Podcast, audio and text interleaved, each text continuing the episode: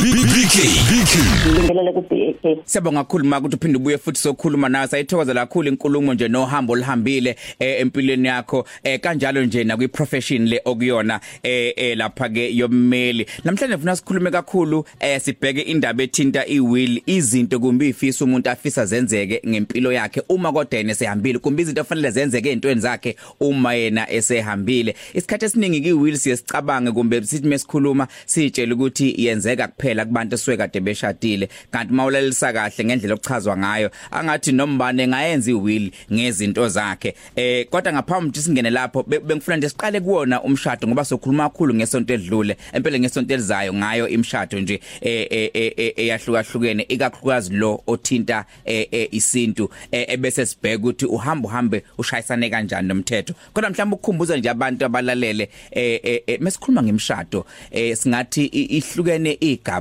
ezingakanani inhlobo nhlobo nje zawo? Eh ngibonge BK eh inhlobo zemshado zihlukene ngokuthi kukhona u civil marriage eh lo kuthiwa umshado omhlophe. Eh wona ke ohlukana igaba eziwu ezintathu okuthi ungena kuwo ungena eh ungaphethe phepha ungena uthi nje ngingena ngothando. Eh nami lonke nako konke kwami ngifika nako nesizokwenza sihlanganise bese kuthi ube khona kuwo wona lo mshado omhlophe ung- ungena ngephepha elibhaliwe ukuthi hayi mina la ngingena ngothando kuphela kodwa okungokwami kuba okwami engifika nako ngiyokwakha sengisemshadweni. Bese kuba khona nalo othi u-out with uh, approval iphepha elithi cha ngingena ngikukhona ngikuphethe kodwa angingeni nako. Lohlangana kuloko sizokwakha mase siyindawonye. Bese kuba khona lo okuthiwa i-civil union okuwumshado wabantu bobulili obufanayo. Eh wona ke nawo uyakwazi ukuthi uhlukanise uya uyakwazi ukuhlukanisa nje bade ngisho kuloko kunye ukuthi u-in noma out noma out with approval. Abantu bobulili obufanayo wesifazane nowesifazane noma wesilisa nowesilisa. Bese kuba khona lo okuthiwa i-customary union. Lo wona kufanele ube lokho wesintu wona ke uba um- umshado ophakathi kwendoda nenkosikazi wona ukwazi kuba ubulili obufanayo. Em uyakwazi ukuthi wenzeke nge- ngo- ube formal ubhalwe noma ungabhalwa. Abantu u- uyaconfuse ke kodwa mawungabhaliwe Mm. uma ngabe ene u- u- u- u- u- u- mawungabhaliwe ngoba inesimo esiningi abantu esibadidayo ukuthi umuntu athi ngoba naku sengihlawuliwe nengane la ekhaya sengiganile ngoba sengivele ngayohlala khona. Noma eh sengilotsoliwe mina kuzikwazi ucela sengiganile ngoba sengilotsoliwe ngase ngiyohlala khona. Awuphelele ke umunga ungalokhuzula ungahambanga waya kwa home affairs uyoqedela khona. Ukuthi ube nephepha nawe ukuthi unalo iphepha lokuthi u- ugane um- u- u- u- u- ushade umshado onjani? Angathi ugane ngoba nendoda iya- iya- iyashada. Em lona ke uthandwa kakhulu yile ilabantu abathanda ukuthi babe nesithembu ngezathu zabe yiningi abanye bazosho izathu zabe yiningi ukwenza isithembu. Usiza ngokuthi uma ngabe ushadele umshado uyakwazi ukuthi wengeze omunye eh kuthiwa awuvali iminyango lana nomunye makoti usangafiki eh kanti lapha ya kulo mhlophe uma ushadile wanephepha lakho uvalile iminyango awukwazi ungenisa omunye umnakwenu awukwazi uba nomnakwenu no- ngaphandle ukuthi uze idabule iphepha nomnyenye wakho loyo. Em so ilapho ke indaba yale mshado eyahlukahlukene. Ilobo ilobola lilodwa alisho ukuthi sowushadile inhlawulo iyodwa isho ukuthi sowushadile ngazi noma ucikele sesamqhubekela no no no no. Ngiyayizwa and futhi ku- ku- ku- kuningi sikuthola kodwa ngiyafisa ukuthi sikulandele kahle eh eh eh, eh ngesonto leli esiyakulona ngoba sobe sigcile impela le ye customary marriage sihambe sibheke yona indaba malobolo nokuthi eh asho ukuthini mase ngilobolile sekuphelile mase ngihlawulile sekuphelile eh noma kusafanele ukuthi umuntu aqhubeke eh eh, imapha ama right namalungelo umuntu osuke senawo uthini umthetho sithini isintu but sokubheka ekakhulukazi ngesonto elizayo. Na- na- namhlanje bengifuna ukubheka indaba ethinta eh i-will eh ngoba ngi- ngingathi mengiqala ngazi noma u- uzongivumela ukuthi eh, isikhathi esiningi sinokukhuluma nge-will kakhulukazi kumbe sinokuzwa ngayo kubantu ade beshadile. Eh ihamba ihamba iphelele kubona noma wonke umuntu engazenzela nje eh eh, i-will eh eh, eh eh, kumbe i- i-will yes la khuluma khona ngezinto zakhe ukuthi ufuna kwenzakaleni kuzona uma ukuthi ke usedlulile emhlabeni?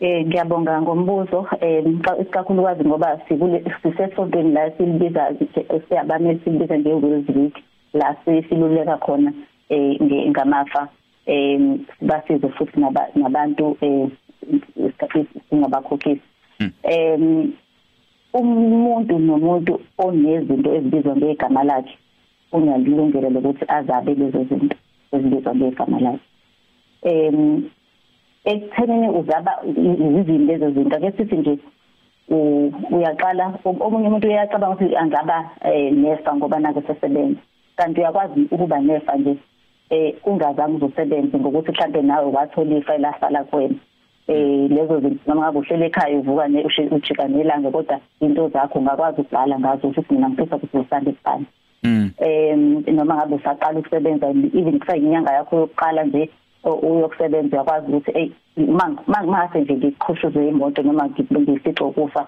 eh lemholo wami nje wona wodwa ke uzoyakubala ngoba ingili yakho mina iasset yakho le into yakho ilungelo lakho ukuthi unga unganikeza nomuntu ngoba eh eh sishayeke kakhulu ke njengoba kuyisifo sa covid abantu bayahamba emhlabeni abantu basala bewundlalifa labo undlalifa labo lokho sekusele kubona ikona kumele bakushele abanye bakubhale ngoba uma bengakubhalile ukuthi kwenzakalani ngabo engako ekuba inkinga mase bengasekho emhlabeni. Isikakhulu nje umuntu oseno 18 lowo muntu useyakwazi ukuthi asayine ama contracts hmm. asayinele yena. Usewumuntu lo ose usewuthatha njengokuthi umuntu omdala South Africa kasafika ingane yaphuma ku Children's Act.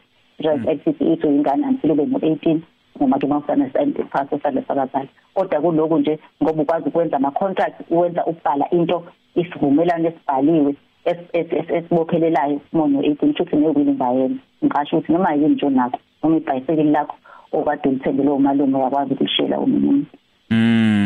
Ngiyithanda le ngoba ngeke ngasenze sibone impela ngebhasikili wangathi umuntu wenza ihlaya ukuthi kufanele kwazele libhasikili izoshonaphi ngisho ifoni la ekhaya sahamba uma sahamba ubaba ifoni yasala.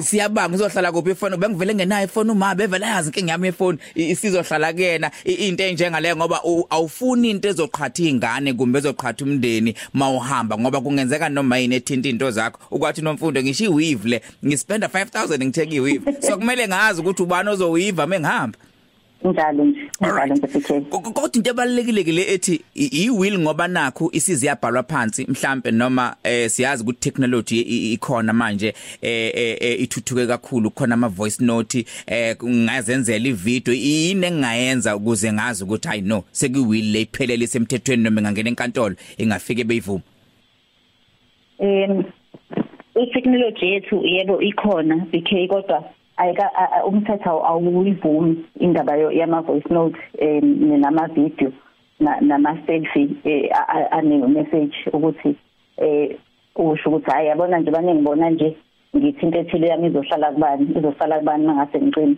cha umthetho wewili usathi mayibhali kuthiwa isifiso eh, eh nobufakazi bakho kuthiwa ithi your last will and testament. Ukuthi ushilo ukuthi makube nje ukuze kube khona ubufakazi kufanele kube khona into oyibhalile wasi uyisayini em uyayisayina ke ubhala phansi nje udinge futhi ukuthi uzuze uyiyele kummeli eh kangako kodwa noma kululeka ukuthi wenze njalo kuba into nje eyiphepha kumele ibe sephepheni elibhaliwe noma emaphepheni kuya ngokuthi inde kangakanani makuthi iphepha more than one em uyafanele iphepha ngephepha ube libe line signature yakho em uyisayine phambi kofakazi ababili abakhona ngesikhathi esifanayo. Ofakazi bakho ke akudingi ukuthi bazi ukuthi khona phakathi yini okume abakufakazayo ukuthi wena usayinile leyo nto othe impilo yakho. Labo fakazi ke futhi akufanele kuba abantu okuyibona futhi abawondla bakho eh obashiya la izinto khona la kuleli isiko kuba inkinganyana uma ngabe bezokufakazela. Em kumele ibhax ivideo ivideo nevoice note akusebenza kodwa niyangibona nje lapha eh, eh, advocate ukuthi yimi nje nakho ngiyakhuluma impela ngithi hayi ke eh lokhu kumele kwenzeke ukuthi hayi la kothola bani. Kodwa ngiyayishola niyabona ne voice champion niyayazi. Still umuntu ngokwesa South Africa kumele ube ukuthi ibhalwe phansi. Eh kuthi ukuthi angithi siyazi nalento okuthiwa i-photoshopping iyenzeka kusuba siwabonile ama video amaningi eh kushiya izinto ngezizo. Umuntu ayiphika kade ngesiyena ngempela kade ngesiyena ngoba eh ubuchwepheshe sebuphakeme kakhulu. Eh buthi umuntu uyakwazi ukumshintsha lapha nalapha ivideo ibe inkinga siyona eh kuloko kubhalwa basekhona ochwepheshe abathenjiwe ukuthi babheke ukuthi ngempela ngempela uyena yini osayinile la ngoba nako kuyenzeka amaphutha.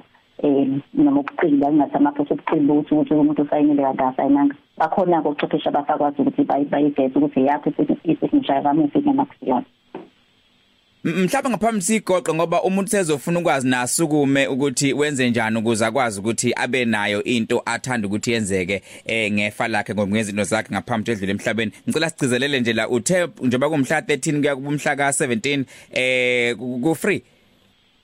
Eh abameli abaningi impela eh bayasiza ngaleli sonto liba njalo khona njalo nje ngonyaka ngoSeptember eh ilona ke leli sikulona eh angazi ngibufisa ukuthi ngisize ngi-add imininingwane la usho kuleyo yokuba free mhlambe yes bengenzela nje mhlambe eh, ukuthi kuvele lokho ngoba ngike ngakubona nami ukuthi angathi kuthiwa impela abantu banokuya kumeli afike afika kwazi ukuthi amsize ngale kokucharge mhlambe ngale kwalokho bengasakwazanga ukuthi ngikwenze kulo leli sonto khona la ngisengaya khona.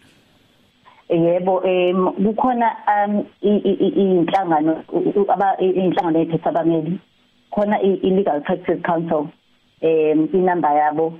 Em ngingayisho ngoba ikhona kuwo wonke amagatsha kuwo wonke ama province okay. Ngingasho e national so that abameli ngoba abameli bokhozi bakhona yonke indawo. Em e legal practice council is 012 338 5800 mase kuba khona ye Black Lawyers Association nakhona e eh bazobasiza basho ukuthi imaphi abamile kumagatsha abo wonke ama province yena ke ithi 082 um 784 7898 eh ikhona ke nale eyaka WhatsApp eh iyakhona la eThekwini ethi 079 477 3185 yona ke eka WhatsApp ukuthi mhlambe uma usadinga ukuthi uchazeleka kabanzi kuloko kade kusho namhlanje. Em iyona leyo yokuchaza u079 477 3185 lezi kade ngizisho ukuthi bazokusiza ukuthi uya ungaya ngakuphi. Eh khona ne legal aid South Africa em nayo ewusizo lamahala hlezi lo mahala ke lolu throughout the unyaka wonke ngokuthi ubuze njalo izinto ofisa ukuzibuza inamba yabo ithi 08 um 00 um 110 110 Eh mhlambe nje ngicela usalisa ufaka neyakho nawe siyadinga ukukhuluma nawe nje sibuze lembuzo ongenzethu uBK ayibuzanga emoyeni. Iyona le ethi le ya WhatsApp uma ngabe ukuthi ngidinga ukubuza okunye okulandelayo 079 477 3185 Okay eh dokotela siyabonga kakhulu isikhatsi sakhe emsakazweni ukhozi FM nangokuza futhi sebesinazi sifuna ukufunda kabanzi ngale emshado eh njengoba kade usho kakhulukazi eh i customary marriage ayikho inkinga siyobe sihlangane futhi next week. Ngiyabonga. Alright advocate Lihlema Phipha besikhuluma naye namhlanje eh esifundisa nje kabanzi ngezinto ezithinta umthetho. Kakhulukazi namhlanje besibheka ke eh i will ukuthi ke kazi wena elakho ifa ufuna ukuthi eh licazwe kanjani uma ukuthi usudlulile emhlabeni? Mabrigado. Sizwa ngawe.